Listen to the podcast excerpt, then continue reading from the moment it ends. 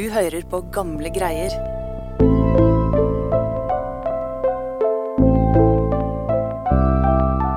Året er 1045, og kong Magnus den gode er en tur i Danmark. Den unge kongen er sønn av selveste Olav den hellige, og har klart å bli konge av ikke bare Norge, men Danmark også.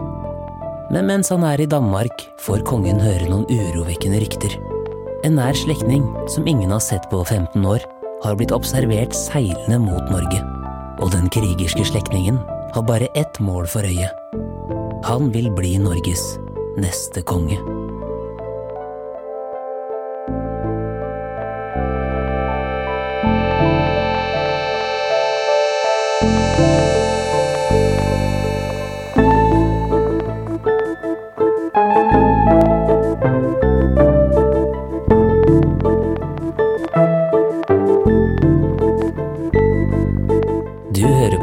Greier, en historiepodkast fra Nasjonalbiblioteket. Jeg heter Lars Hammeren Risberg.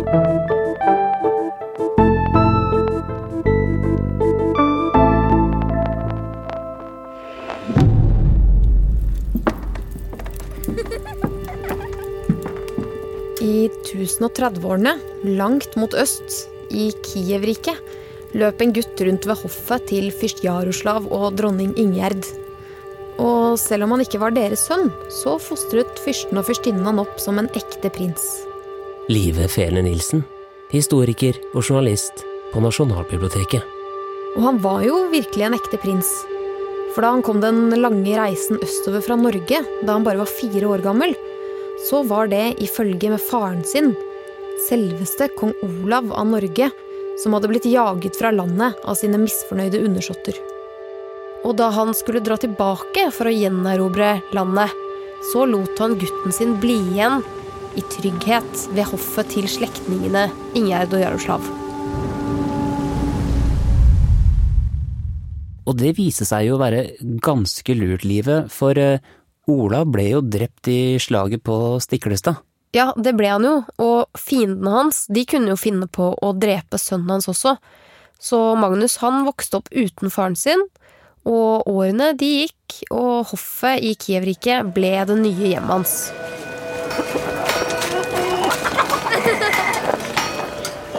Og lille Magnus, han mangla ingenting. Han løp rundt i de fine klærne sine mellom staselige bygninger, og han spiste maten sin ved bordet til fyrstens egen hird, som var en slags personlig garde for, eh, for fyrsten. Og der var visstnok Magnus ganske godt likt, for han var morsom. Og det hendte ganske ofte at han fant på litt sånn krumspring, som å gå på hendene bortover bordet, for eksempel. Men en dag så dukket det opp noen ukjente ansikter i byen der hvor Magnus bodde.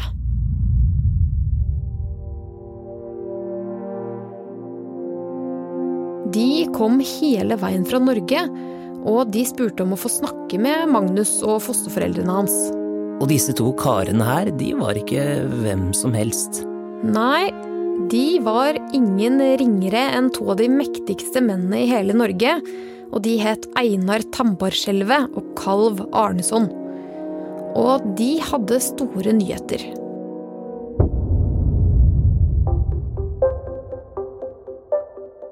De kunne nemlig fortelle at danskekongen, som nå styrte Norge, han var død, og sønnen hans hadde tatt over styringa. Og det var visst ikke folk i Norge særlig fornøyd med. De ville heller ha sønnen til Olav den hellige som konge. Så disse to, de hadde kommet for å ta med seg Magnus tilbake til Norge. Men det var jo ikke uten risiko, så hva sa fosterforeldrene til Magnus? De skal ha blitt ganske skeptiske. For de husket jo hva som skjedde forrige gang noen kom reisende med en sånn beskjed. Det hadde jo endt med at Magnus sin far dro til Norge og ble drept. Så de syntes rett og slett det var en veldig dårlig idé at Magnus skulle reise og bli konge i Norge, særlig når han var så ung, for Magnus var bare ca. elleve år gammel da dette skjedde. Men ifølge en av sagaene så ble storfyrsten litt på glid etter hvert. Men dronning Ingjerd, hun sto på sitt. Hun stolte ikke på nordmennene. Så hva gjorde Einar og Karl da? De sa at eh, hvis de fikk lov til å ta med seg Magnus, så skulle de sverge på at de aldri skulle forråde ham. Og til slutt så gikk Ingjerd og Jaroslav med på det, da. Så Magnus pakket sakene sine og sa ha det til fosterforeldrene som hadde vært så innmari gode med han alle disse årene. Og sammen med Kalva Einar og mennene deres så satte han seg i skipet. Der bar det gjennom elver og over hav til han en dag kunne skimte sitt gamle hjemland med fjord og fjell i horisonten. Og det viste seg jo å funke ganske bra for Magnus, eh, dette valget. Ja, for da de kom til Norge, så eh, flyktet sønnen til danskekongen nesten med en gang. Og Magnus trengte ikke engang å kjempe noe særlig for å få tronen. Så ved hjelp av de mektige stormennene så ble Magnus Norges nye konge.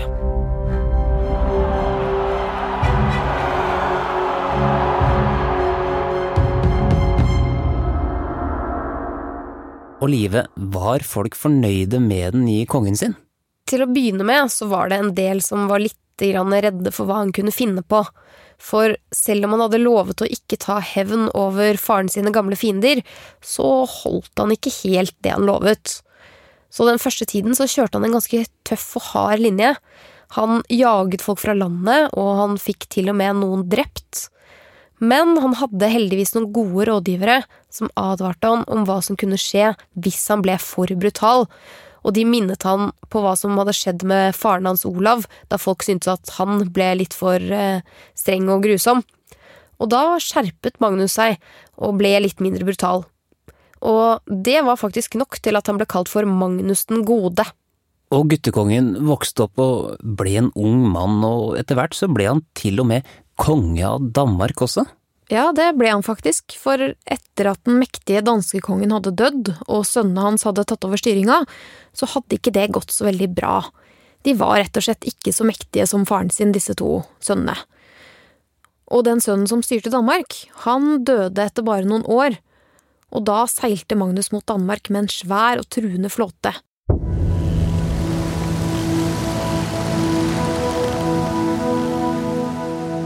Så en sommerdag i 1042 holdt Magnus da ting i Danmark med de danske stormennene. Og der tok han ordet med alles øyne på han, og fremførte kravet om å bli deres nye konge. Og stormennene, de aksepterte å ha kravet hans, og snart kunne man se Magnus reise triumferende mellom byer og landsbyer og la seg hylle som konge av Danmark. Men én ting var jo å få makten, en annen ting var jo å holde på den, og det skulle vise seg å ikke være like enkelt. Ja, for særlig i Danmark så var det en del som ikke likte at Magnus var konge, blant annet en nevø av den gamle kongen som het Svein.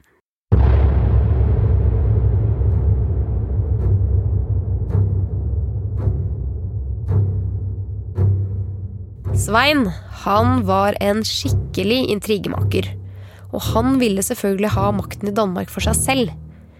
Så mens Magnus var i Norge, så drev Svein og plottet mot han i Danmark. Så Magnus måtte reise til Danmark og ordne opp. Og som om ikke det var nok, så var det et folkeslag som ble kalt for venderne, som drev og angrep sørfra støtt og stadig. Så Magnus han måtte både håndtere intrigemakeren Svein og slåss mot venderne. Og dette begynte etter hvert å bli ganske dyrt og slitsomt.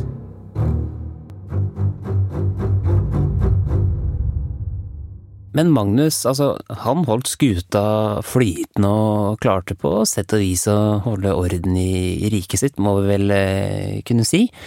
Men så kom det en illevarslende beskjed. Ja.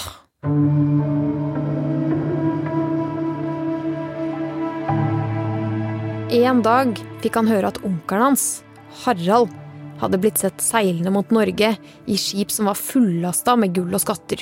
Og Magnus, han hadde ikke sett onkelen sin på mange år, for han var bare en liten gutt da de traff hverandre i Kiev-riket.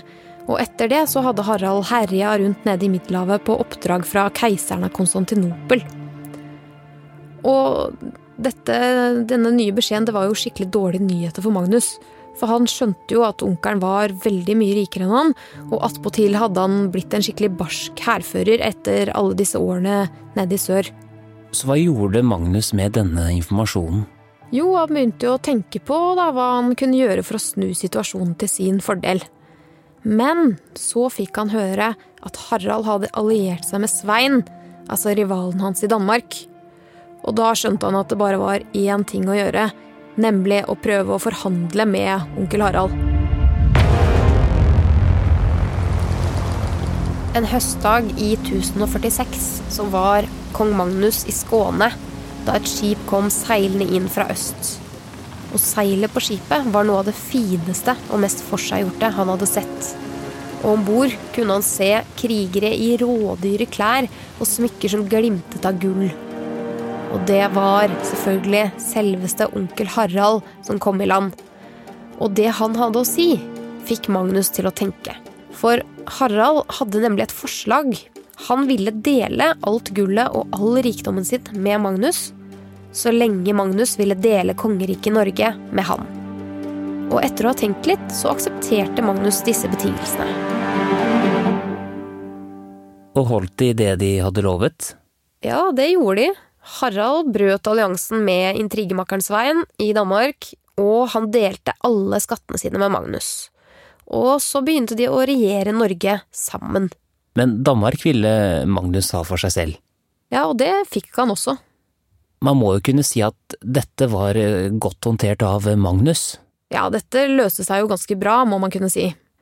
Men lykken skulle ikke vare så lenge.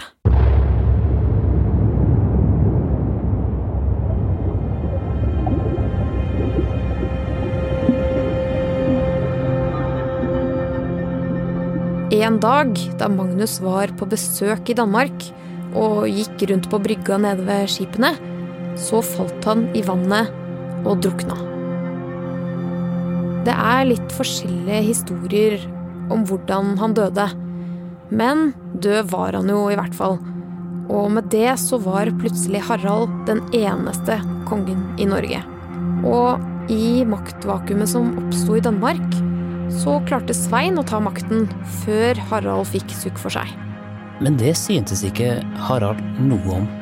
Nei, nå som nevøen var død, så syntes han det var rett og rimelig at det var han som skulle styre i Danmark også.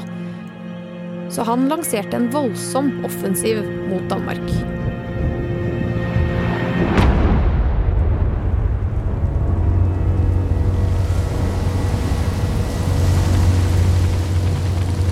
Det må ha vært et ganske forferdelig syn å se Harald sine skip i horisonten. For da visste man hva som kom. Og det var blod og vold og ild. For Harald, han var ingen mild mann. Og han fikk til og med tilnavnet Hardråde fordi han var så hard i klypa. Og Harald Hardråde seilte skipene sine langs kysten av Danmark og terroriserte befolkningen. De brant f.eks. ned den kanskje største og viktigste vikingtidsbyen i hele Skandinavia, nemlig Hedeby, som det blir fortalt om i et skallekvad som går sånn her.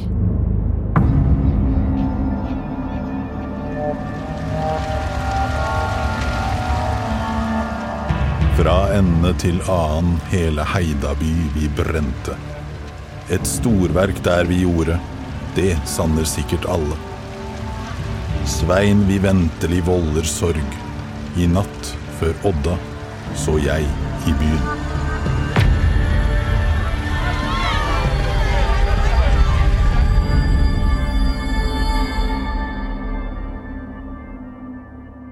Og Hedeby kom seg aldri etter angrepet, livet, men likevel klarte ikke Harald å ta Danmark. Nei, han prøvde og prøvde, igjen og igjen, men hver gang ble han slått tilbake.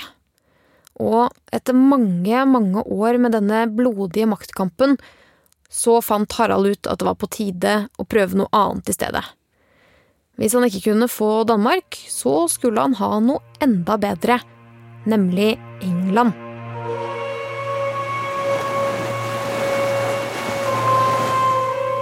Og England hadde jo også vært under den gamle danskekongen-livet.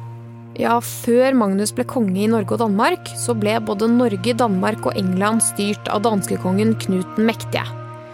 Så Harald han syns på en måte at det var han som var den rettmessige arvingen til England også.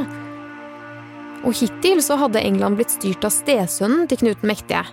Men da han døde i 1066 uten barn, så ble det et kaos i England som Harald bestemte seg for å utnytte. Men Harald var jo ikke den eneste som eh, tenkte den tanken. Nei, det var en annen også som så samme mulighet. Nemlig en fransk hertug som het Wilhelm av Normandie.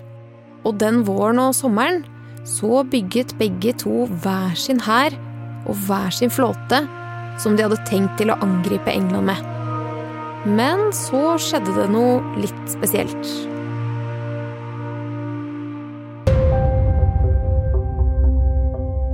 Først så kom det et illevarslende syn på himmelen, nemlig en stor, rød komet.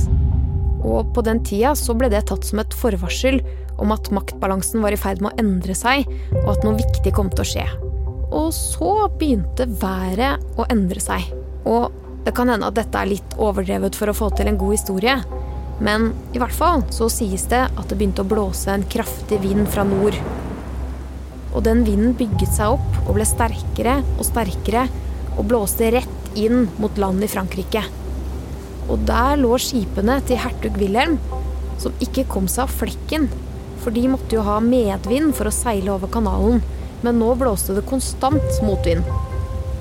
Så mens Wilhelm sin flåte lå bom fast, så kunne Harald, som hadde medvind, seile mot nordkysten av England i en voldsom fart.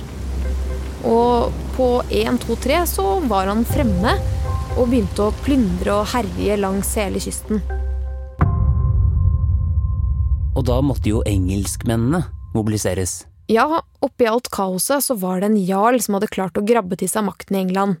Han het også Harald, og han samlet sammen en hær og sendte dem nordover i all hast for å slå ned på invasjonen.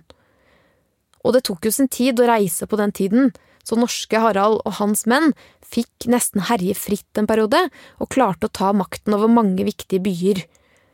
Og de ble nok ganske oppstemte av all denne suksessen, og det var sol og sommer og fint vær og god stemning. Men så skjedde noe som overrasket eh, nordmennene.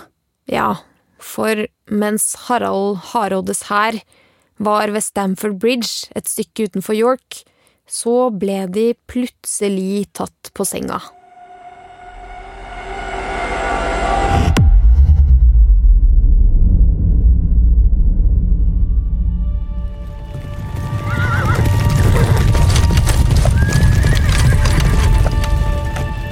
Da hadde den engelske hæren kommet seg nordover i et rasende tempo.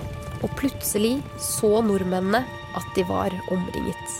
Og ifølge Snorre så samlet nordmennene seg i en sirkel på en bakketopp med skjoldene utover.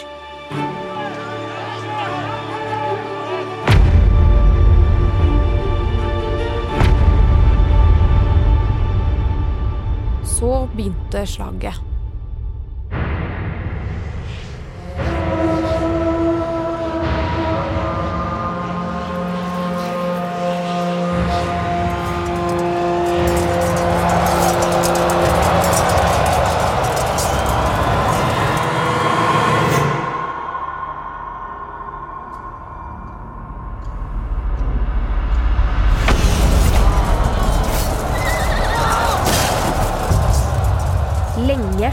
De å holde den større hæren på avstand på denne måten, med skjoldene utover. Men etter hvert som de ble mer og mer slitne og mer og mer desperate, så begynte Forsvaret å rakne. Og det var da det skjedde. Plutselig kom det en pil susende mot kong Harald. Og den gikk rett gjennom halsen hans.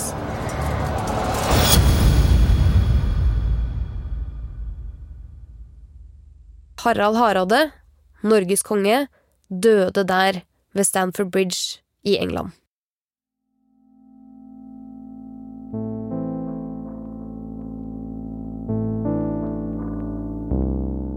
Og da var jo slaget over for eh, nordmennene, men ikke for engelskmennene, livet.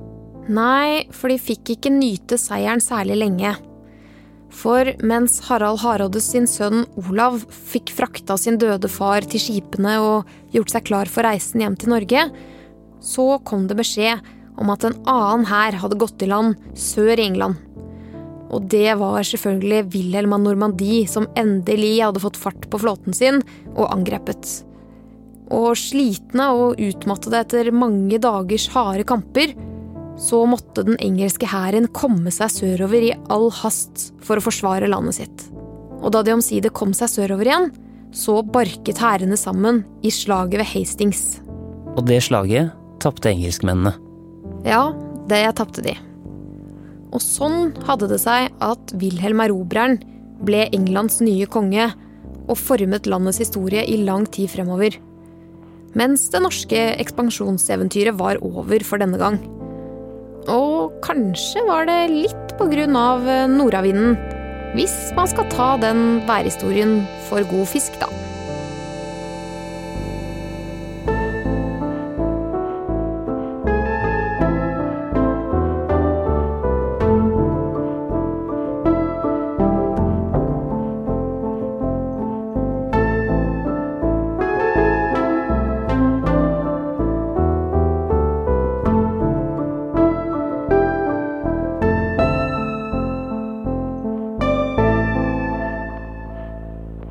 Hvordan vet vi alt dette som skjedde for over 1000 år siden?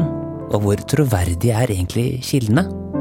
På våre nettsider kan du lese alt du trenger å vite om Snorre Sturlason og de andre som har fortalt norgeshistorien i sagaene. Gå inn på Lives artikkel på nb.no for å vite mer.